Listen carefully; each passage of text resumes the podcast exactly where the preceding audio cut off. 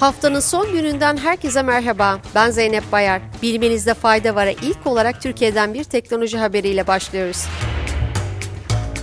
Türk oyun devi Rolik, Almanya merkezli mobil oyun stüdyosu Popcore'u satın aldığını duyurdu. Dünyanın en çok indirilen oyunlarından Pull the Pin ve Parking Jam 3D'nin geliştiricisi olan Popcore, bulmaca türünde de ismini duyurmuş bir şirket olarak öne çıkıyor. Satın alma ile ilgili basın toplantısında açıklamada bulunan Rolik CEO'su Burak Vardal, Popcore'un Rolik bünyesine dahil olmasıyla Türkiye'deki en büyük oyun operasyonunu yarattıklarını söyledi. Twitter ABD gündemini meşgul etmeye devam ediyor.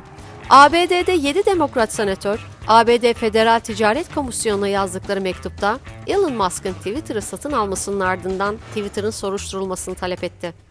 Gönderilen mektupta Twitter'ın yeni patronu Musk'ın son haftalarda platformun güvenliğini tehlikeye attığı belirtildi. Ayrıca dolandırıcılık ve tehlikeli kişilerce istismar edilebileceğine dair açık uyarılara rağmen Musk'ın Twitter'a yeni özellikler getirdiği belirtildi. Şirket içerisinde neler yaşanıyor diye merak edenlere kısaca bir detay geçelim.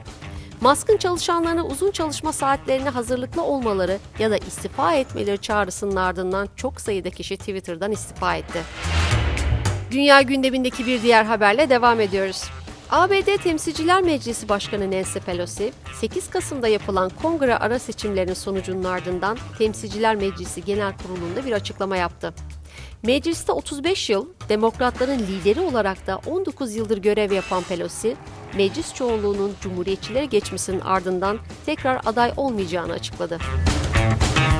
Fransa'da enflasyonun yaklaşık son 40 yılın en yüksek seviyesine çıkmasının etkisiyle yardım kuruluşlarından açıklamalar gelmeye başladı.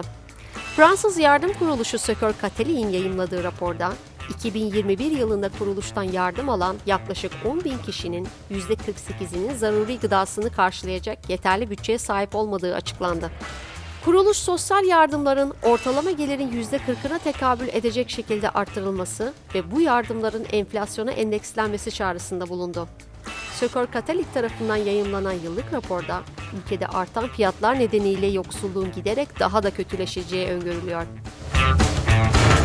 Rusya ile Hindistan arasındaki ticaret ilişkisi giderek kuvvetleniyor. The Time of India'nın haberine göre Rusya ile Ukrayna arasındaki savaşın ardından Hindistan ile artan petrol ve gübre ticaretinin de etkisiyle Moskova ile Yeni Delhi'nin ticari ilişkileri ivme kazandı. 2021 mali yılının sonunda Hindistan'ın en büyük 25. ticari ortağı olan Rusya, bu yılın Nisan-Eylül döneminde 5. sıraya yükseldi.